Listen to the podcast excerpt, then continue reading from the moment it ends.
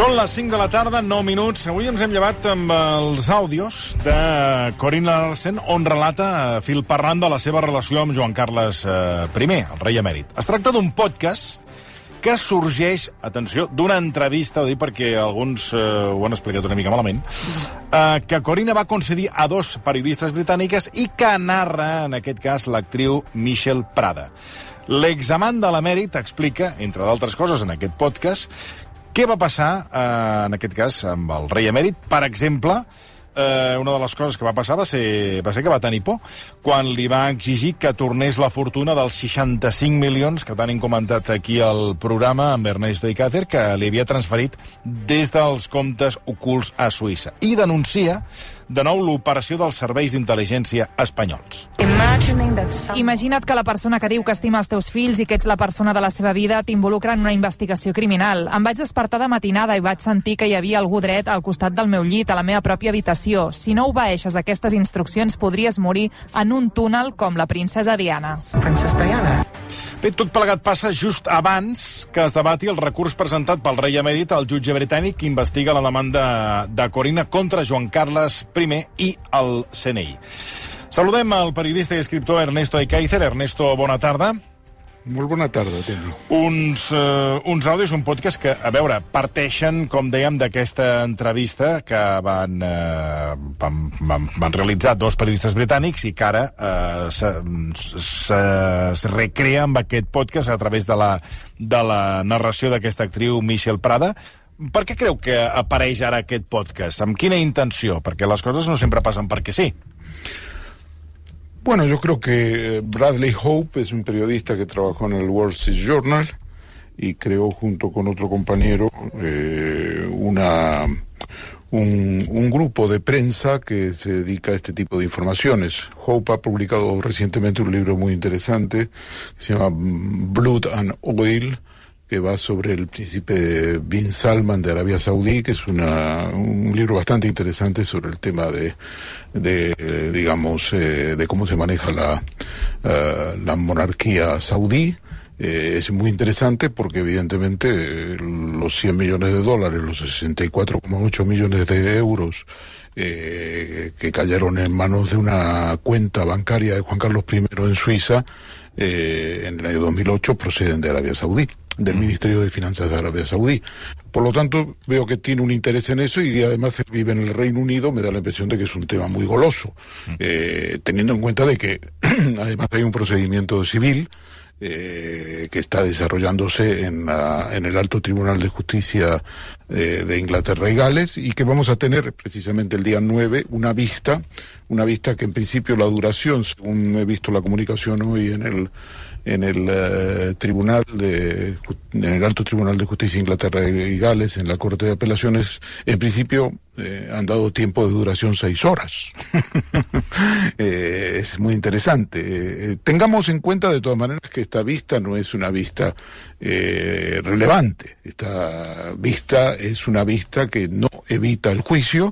El juicio ya está digamos consagrado ya se va a celebrar un juicio va a haber una investigación solamente que este, eh, esta vista solo trata los problemas de si Juan Carlos I puede ser también llevado a juicio, también llevado a juicio, por los hechos que van desde el 2012 a 2014, cuando era todavía rey de España. A partir del 2014 está garantizado el juicio, ya lo tiene garantizado. El problema es 2012-2014 porque era rey y por lo tanto era rey en ejercicio, no era emérito, no, no estaba retirado eh, y, y, y, por tanto lo que se trata de ver es si las órdenes que él dio al director eh, del Centro Nacional de Inteligencia, Félix San Roldán, se hizo en su capacidad de rey jefe de Estado eh, y al director general, al director del CNI como director del CNI o simplemente fue una cosa privada un asunto privado suyo. Esto es lo que se tiene que dirimir. Así que el problema de la vista no es tan relevante. Eh, ahora se han despertado en España los medios de comunicación porque han ignorado durante años, prácticamente un año, el procedimiento civil. Usted recuerda que yo siempre dije que ese procedimiento civil iba a ser más importante sí, que el sí. procedimiento penal. Ahora se han despertado y, y, bueno, mm, tarde, tarde, porque el juicio ya está garantizado. Mm. Quiero decir, eh, si, si, Juan Carlos eh, primero eh, sigue con vida, si no hay ninguna situación eh, de salud, ningún impedimento, el juicio está garantizado. Lo que se va a dirimir aquí es si también eh, incluye los años 2012-2014. A partir del 2014 él ja està... Eh... Ara, el, el, el, que, el, el que un, un té la, la... No, no és que tingui la sensació, és que jo crec que és una realitat. És un rei que ara on eh, tot, tothom s'atreveix a dir el, el, el, el, el que en el seu moment van callar, eh, aquí tothom parla, ara tothom, eh, fins i tot en programes de televisió, sèries de televisió, tothom diu que tothom ja ho sabia, tothom estava, tenia grans coneixements, fins i tot Narcís Serra va admetre en una entrevista a l'Espanyol que els serveis secrets ja van ajudar a Joan Carles I a tapar les seves primeres infidelitats, no? Un té la sensació que ara, si ara tothom s'atreveix a parlar, però en el seu moment aquí no parlava ningú. Claro, y todos aquellos que de alguna manera contribuyeron a construir el muro del silencio, por ejemplo Narcís Serra, en su calidad de vicepresidente y por sí, lo tanto sí. responsable del CECID, del viejo CECID, del viejo CNI. Eh, ahora resulta que se ha despertado y a medios además, fija, fija, fijaos, eh, queridos compañeros, a medios nada menos que el español. Sí, sí. Es un, en fin, donde, en fin, Pedro J. Ramírez ha jugado un papel, en fin, en relación a la corona siempre tan, uh, tan ambiguo y donde incluso en un momento determinado hizo de alcahuete alcahuete. Lo he dicho allá muchas veces en los programas de televisión y la radio donde me han interrogado sobre eso y por lo tanto no tengo ninguna eh, necesidad de ocultar esa palabra. Alcahuete de Mario Conde a Juan Carlos I para liquidar nada menos que a una de las personas más honestas de la Casa de Su Majestad el Rey, el general Sabino Fernández Campo. Eso se hizo sobre la base de una alcahuetería de Pedro J. Ramírez, ordenada por el accionista de su periódico, Mario Conde, presidente intervenido del Banco Español de Crédito. Mario Conde, que també és dels que sortia en aquest eh, documental Salvarà el rei, on sortien tot un grapat de gent que, bueno, que dius, bueno, ara parles, però en el seu moment ningú va parlar. Al contrari, com bueno, vostè diu, Mario... Lo contrario, todo lo contrario. Una de las que participaba en el programa se ofreció cuando yo publiqué Vendetta en el año 1996, el anticipo en el país, se ofreció al país para mm, dar respuesta eh, yo hablaba en ese libro Vendetta de las cuentas secretas que tenía Mario Conde, eh, que tenía Juan Carlos I en Banesto, y eh, una de las que participan en ese programa, Salvar al Rey, se ofreció sin saber, yo tenía confirmación de la Casa de Su Majestad el Rey sobre el número de esas cuentas, se ofreció para responder al periodista económico argentino Ernesto Ecaizer. Eh, doncs sí, sí, el que dèiem, Mario Conde també també hi apareix.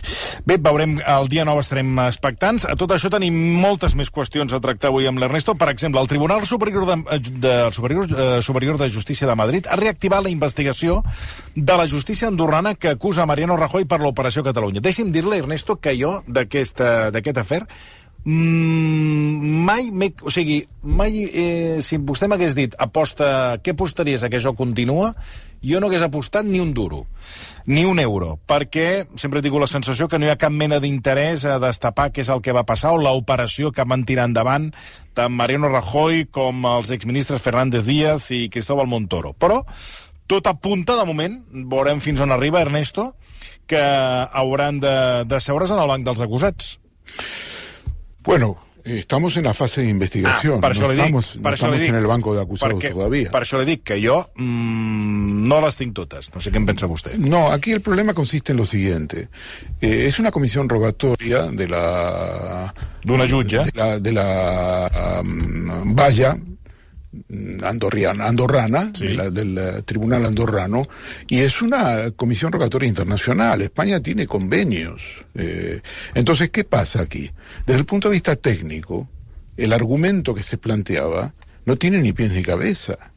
Si tú vas a cumplir los acuerdos internacionales, lo que no puedes hacer es porque un expresidente de gobierno, en este caso Mariano Rajoy, podría ser otro, eh, te pida una medida cautelarísima primero y una cautelar después, las dos han sido rechazadas en la resolución del este primero de octubre del Tribunal Superior de Justicia de Madrid, para suspender. Esto es una fase de investigación. Lo que han querido ellos es abortar la investigación. No han querido responder a la investigación, han querido abortarla. Entonces, el Tribunal Superior de Justicia de Madrid dice, oiga, es que no se puede abortar una investigación. Mire usted, es que todo lo que usted plantea eh, ya plantea, lo tendrá que plantear ante las autoridades andorranas, pero no le podemos proteger a usted. Usted no tiene ninguna protección. En otros términos, eh, usted no es el rey de España. usted no tiene ninguna inmunidad. Y por lo tanto yo no puedo suspender una comisión rogatoria. Entonces, ese es el problema, digamos, eh, lo que usted no tiene, eh, Tony, en cuenta en su razonamiento, es que esto no va al fondo de la cuestión. Esto va al procedimiento, desde el punto de vista procesal. El Tribunal Superior de Justicia de Madrid y la Fiscalía, porque no es solamente el Tribunal Superior de Justicia de Madrid, ya la Fiscalía dijo que no se podía suspender a través de una medida cautelarísima cautelar, y ahora lo dice el Tribunal Superior, es que no se puede, porque hay una formalidad procesal que no te permite interrumpirlo. Hombre, España cada vez va a ser cada vez menos un Estado de Derecho real es un Estado judicial, pero es un Estado judicial, como dice Enrique López, donde la mayoría de la carrera judicial, lo dice él, ¿eh? no yo, eh, simpatiza con el PP. ¿eh? Toda, sí, sí, Y además el, el presidente del Tribunal eh, Constitucional, el señor Pedro González Trevijano, cuyo mandato ya venció el 12 de junio pasado, fíjese, ya hace varios meses, ha dicho recientemente que, claro, que, hombre, la ciencia eh, del derecho es una ciencia conservadora. Por eso la mayor parte de los jueces son conservadores. Estos son los personajes que dominan en este país. Entonces, claro, entonces yo entiendo que usted diga, yo pienso que nunca pensé que podía llegar a este punto. Al ser un problema procesal, eh, no se puede violarlo todo. Tú puedes hacer una sentencia contra el... el vol, vol dir que el procés continuarà, però tampoc esperem que vagi molt més enllà. Bueno, veremos a ver lo que dice Andorra. Aquí también eh, dependerá mucho de la jueza andorrana eh, que lleva este caso y de, y de los tribunales andorranos, pero es evidente que en esta fase del proceso le pedían a España, eh, los señores Rajoy y todos los involucrados, aborte usted, aborte usted. Y le han dicho, mire, no, usted no tiene el derecho de abortar. Mm. Uh, ara que em parlava de la judicatura, eh, Ernesto, quan semblava que hi havia un pacte PP-Partit Socialista per renovar el poder judicial, s'ha trencat amb l'excusa de la modificació del, eh, del que seria el, eh, la condemna o el que seria el, el, la, la reforma de la, la reforma de la sedició. Um, a dia d'avui, um, on som ara mateix? Perquè un ja s'ha perdut, fins i tot hi ha tot tipus de rumors al voltant de, de, de possibles canvis de jutges, un ja certament ha perdut el fil d'on som i cap on anem. Vamos a ver, eh, estamos en un punto en el cual el Partido Popular uh, de Alberto Núñez Feijóo está en una sedición.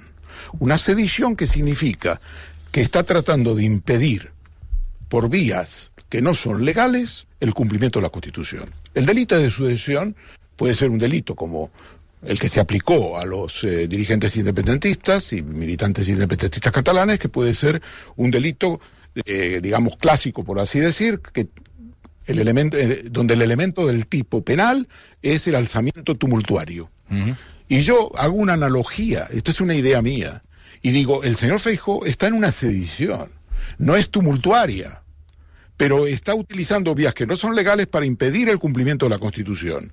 ¿Cuál es el cumplimiento, cuáles son los requisitos que se deben cumplir de la Constitución? Que cuando se renueva el Consejo General, de, cuando vence el mandato del Consejo General del Poder Judicial, se tiene que renovar en plazo. Cuando vencen los mandatos de los eh, miembros del Tribunal Constitucional, se tienen que renovar en plazo. Eso dice eh, la Constitución y dice la Ley Orgánica del Poder Judicial. El señor Feijó, antes casado, pues ha hecho una política de boicot. Eso es una sedición. Es, eh, digamos, es una conducta sediciosa, porque él dice, a mí no me interesa ahora cumplir la Constitución porque los sondeos me van bien. La semana pasada empezó a ver que los sondeos del señor Sánchez iban mejor, que las distancias se acortaban, y entonces cogió un pretexto. ¿Por qué digo que es un pretexto? ¿Es una invención mía? ¿Es una invención retorcida? No, me baso en, en un hecho fundamental. Y es que el martes pasado, la señora Cuca Gamarra, portavoz mm, sí. del Partido Popular en el Congreso, le preguntaron, porque este tema ya estaba sobre la mesa, le preguntaron, oiga, vamos a ver, ¿no puede influir la reforma del delito de sedición que se proyecta por parte del gobierno, en las negociaciones que ustedes llevan y que ya están prácticamente concluidas de renovación del Consejo General del Poder Judicial, y la señora Cucamarra dijo no tiene que ver una cosa con la otra. Nosotros nos vamos a oponer a la reforma que se proyecta del delito de sedición e incluso pediremos aumento de pena, pero nuestro papel en relación al Consejo General del Poder Judicial es garantizar la independencia judicial. Son dos cosas distintas. Entonces, si el martes eran dos cosas distintas, ¿por qué el día jueves el señor Feijó llamó a Sudáfrica a eh, el señor eh, presidente del gobierno, el señor Pedro Sánchez, y le dijo, si ustedes siguen con el tema de la, de la reforma de la sedición, nosotros no firmamos el acuerdo. Porque el día viernes la señora Cuca Gamarra, viernes 28, dijo eh, que no solo había que, eh, digamos, eh, que, no se trataba solo de reformar el delito de sedición, sino que había que reformarlo en el sentido de aumentar las penas. Entonces, ¿qué pasó entre el martes 25 y el, y, ¿Qué pasó? Y, el viernes 28? Lo que pasó es que el PP, primero,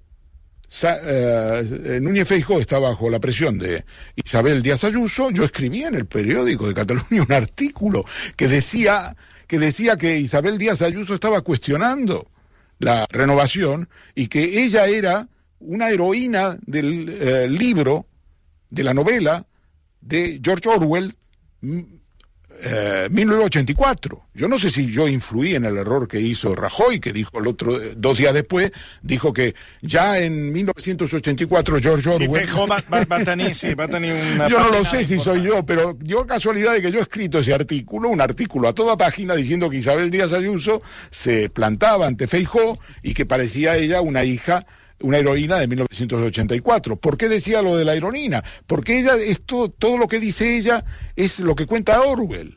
Ella la verdad, eh, a la, mentira la presenta como verdad, la guerra la presenta como paz. Y así de seguido, todos los, todos los tópicos que contaba Orwell en 1984 en su novela famosa es la representación. Y hoy, hoy, esto que yo decía, hoy lo ha dicho ella eh, lo ha dicho ella claramente, ha dicho que España es el país, es el segundo país de la Unión Europea donde menos, de manera menos independiente se elige a los jueces. Pero oiga, señora, es inútil porque ella no, no es una marioneta, pero oiga, oiga, el sistema funcionó con Aznar, Incluso a, Rajoy lo, lo continuó y lo hizo mixto, permitiendo que algunos jueces pudieran conseguir, si no tenían el apoyo de sus acciones judiciales, sus propios avales. Lo hizo mixto, más mixto todavía. Ese es el sistema. ¿Cómo nos vende usted una mentira tan flagrante como verdad? Es, es Orwell puro. Es Orwell puro. El problema es que, claro, es que Feijó que sabe de Orwell.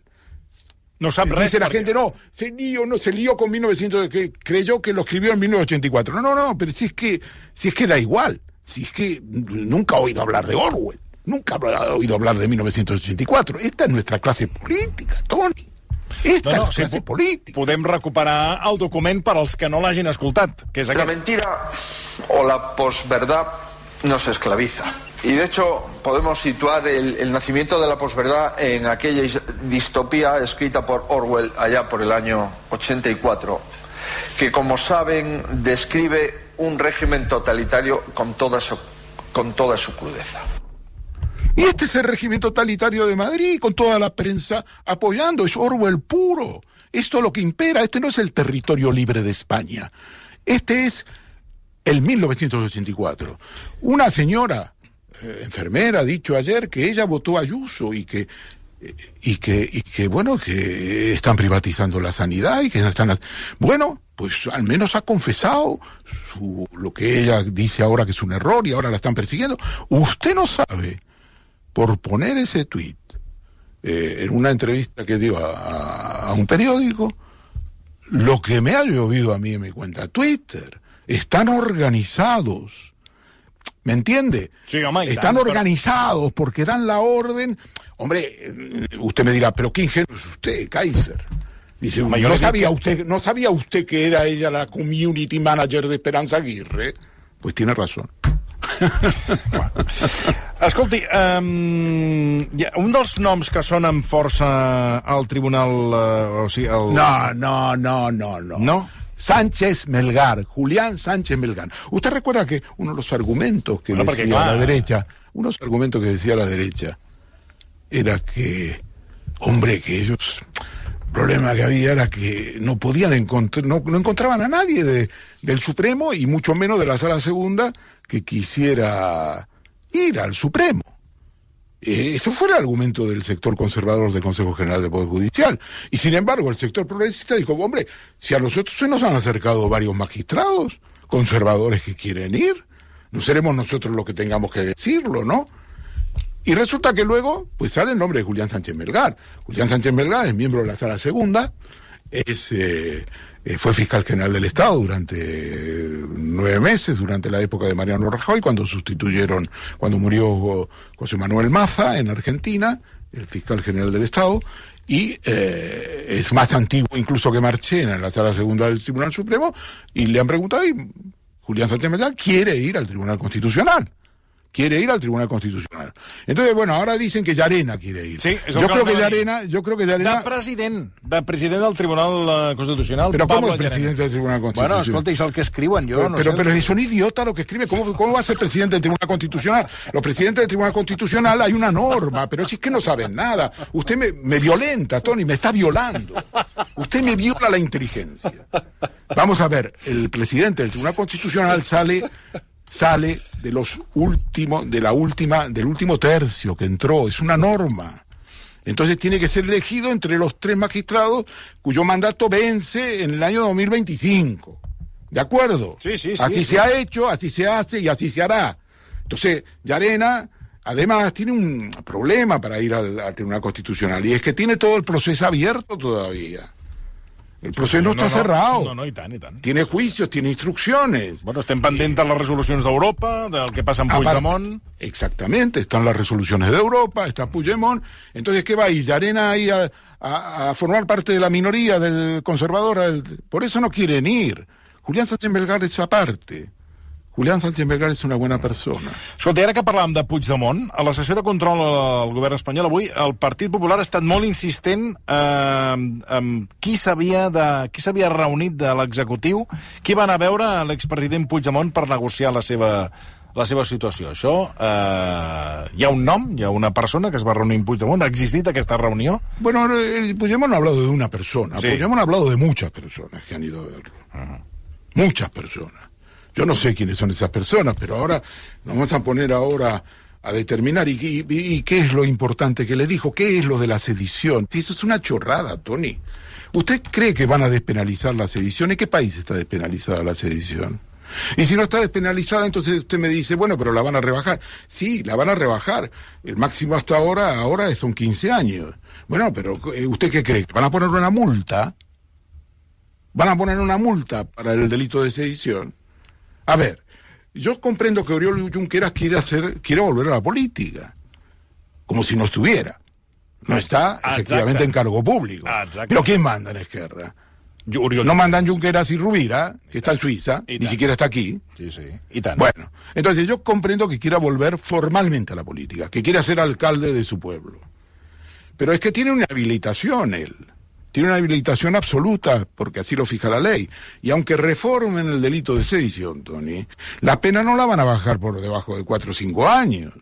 Por eso Marta Rubira, si viene con la reforma del delito de sedición, que cuatro o cinco años entra en prisión. Y por eso no va a venir. Y Puigdemont entra en prisión.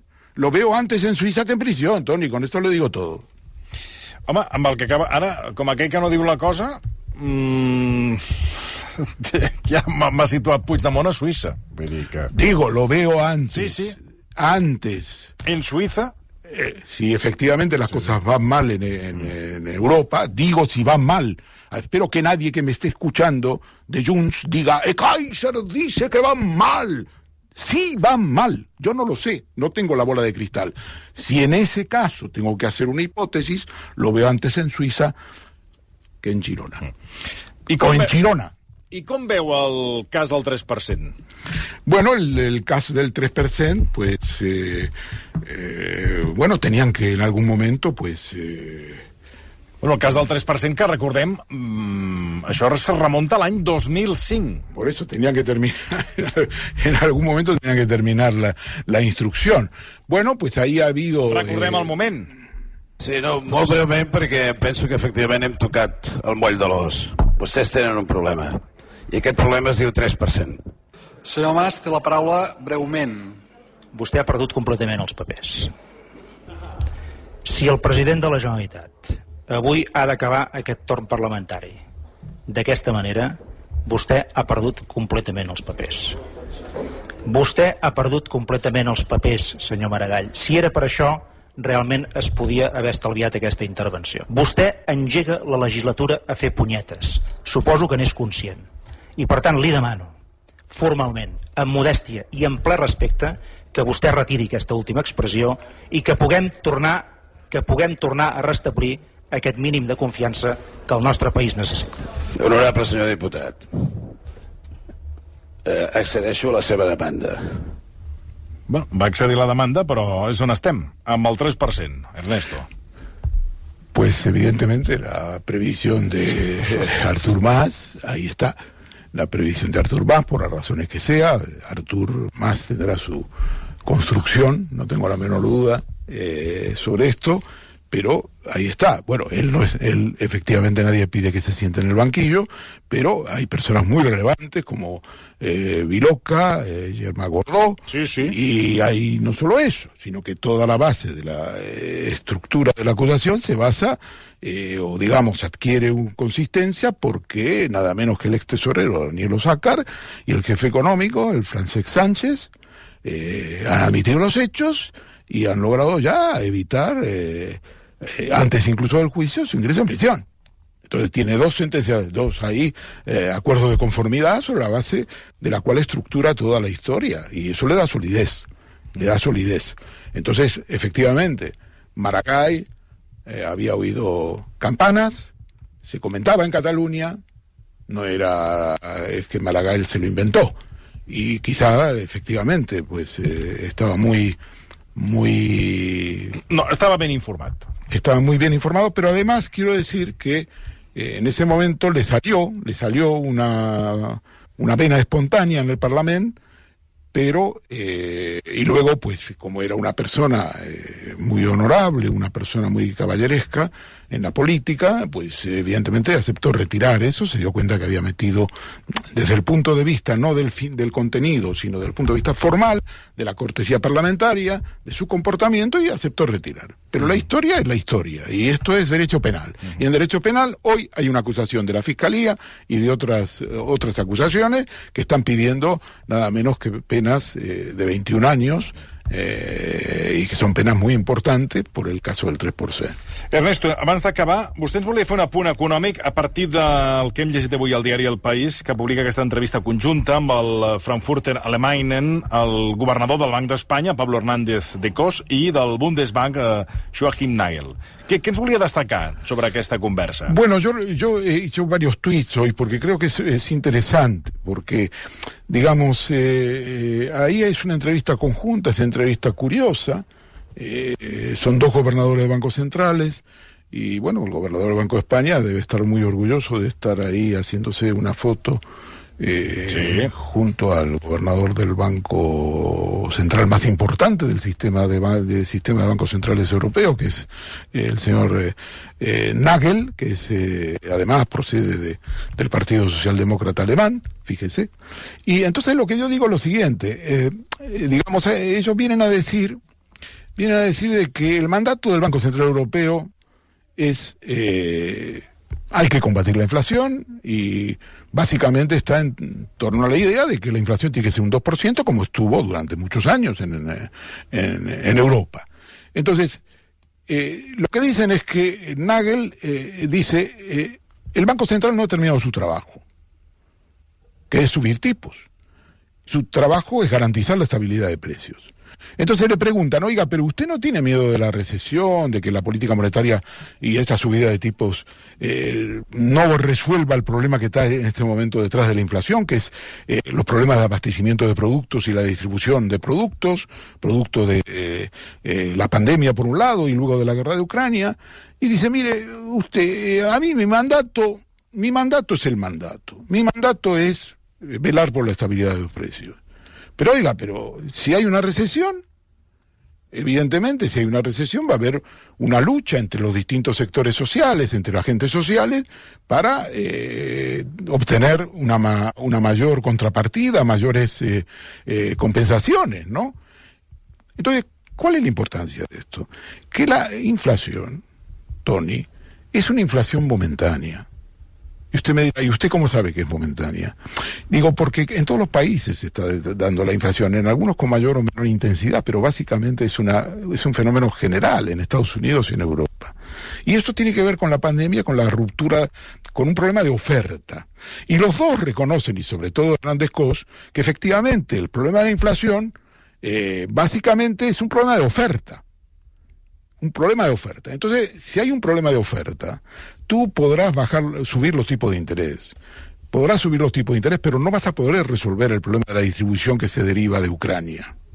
No vas a poder resolverlo en el sentido de que los precios van a bajar. Los precios, por ejemplo, ahora están bajando. Hoy acaba de anunciar, una cosa que es muy importante, Rusia, que se reanuda el envío de cereales desde los puertos del Mar Negro. Sí, sí. Es decir, va a haber oferta. Y usted va a ver que los precios van a empezar a flexionar más todavía, aunque en España ya es el tercer mes, eh, segundo o tercer mes consecutivo que baja, eh, que la inflación está bajando. Pero eso no, en los periódicos sí, lo mencionan como una noticia, pero como se trata de hacer ruido, y, y, sobre todo para que se vaya Sánchez, pues nadie se toma en serio y siguen hablando de la inflación. Entonces yo digo, tu Banco Central Europeo no tienes en tu mandato más que velar por la estabilidad de los precios. En Estados Unidos es distinto. En Estados Unidos el, mandato es velar por los precios y por el nivel del paro. ¿De acuerdo? Evitar el desempleo. Mantener una tasa de desempleo determinada. Bueno, aquí el mandato no es ese. Pero yo digo, pero aquí el mandato también tampoco dice que le tienes que regalar dinero a los bancos. Y sin embargo se le regala a los bancos a través de los tipos de interés negativos, a través de otro tipo de, eh, de, acciones del Banco Central Europeo, de compra de títulos y, liquidez.